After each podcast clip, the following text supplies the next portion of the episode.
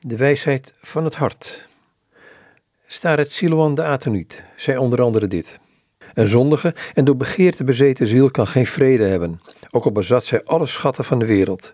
En al zou zij over heel de wereld kunnen heersen. Wanneer men aan een koning die met zijn hovelingen vrolijk aan het drinken is, plotseling zou zeggen dat hij ogenblikkelijk moest sterven, dan zou hij door angst en beven aangegrepen worden en zijn totale onmacht erkennen. Een arme daarentegen, die zijn rijkdom alleen in de liefde tot God ziet, zou antwoorden: De wil van de Heer geschieden.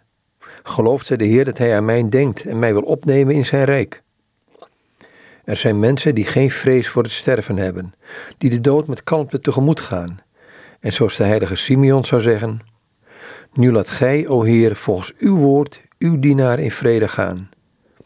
Welke vrede de heilige Simeon in zijn ziel bezat, kan slechts hij verstaan die zelf de vrede van God in zich draagt, of hij reeds heeft geproefd. Mijn vrede geef ik u, zei de Heer tot zijn leerlingen.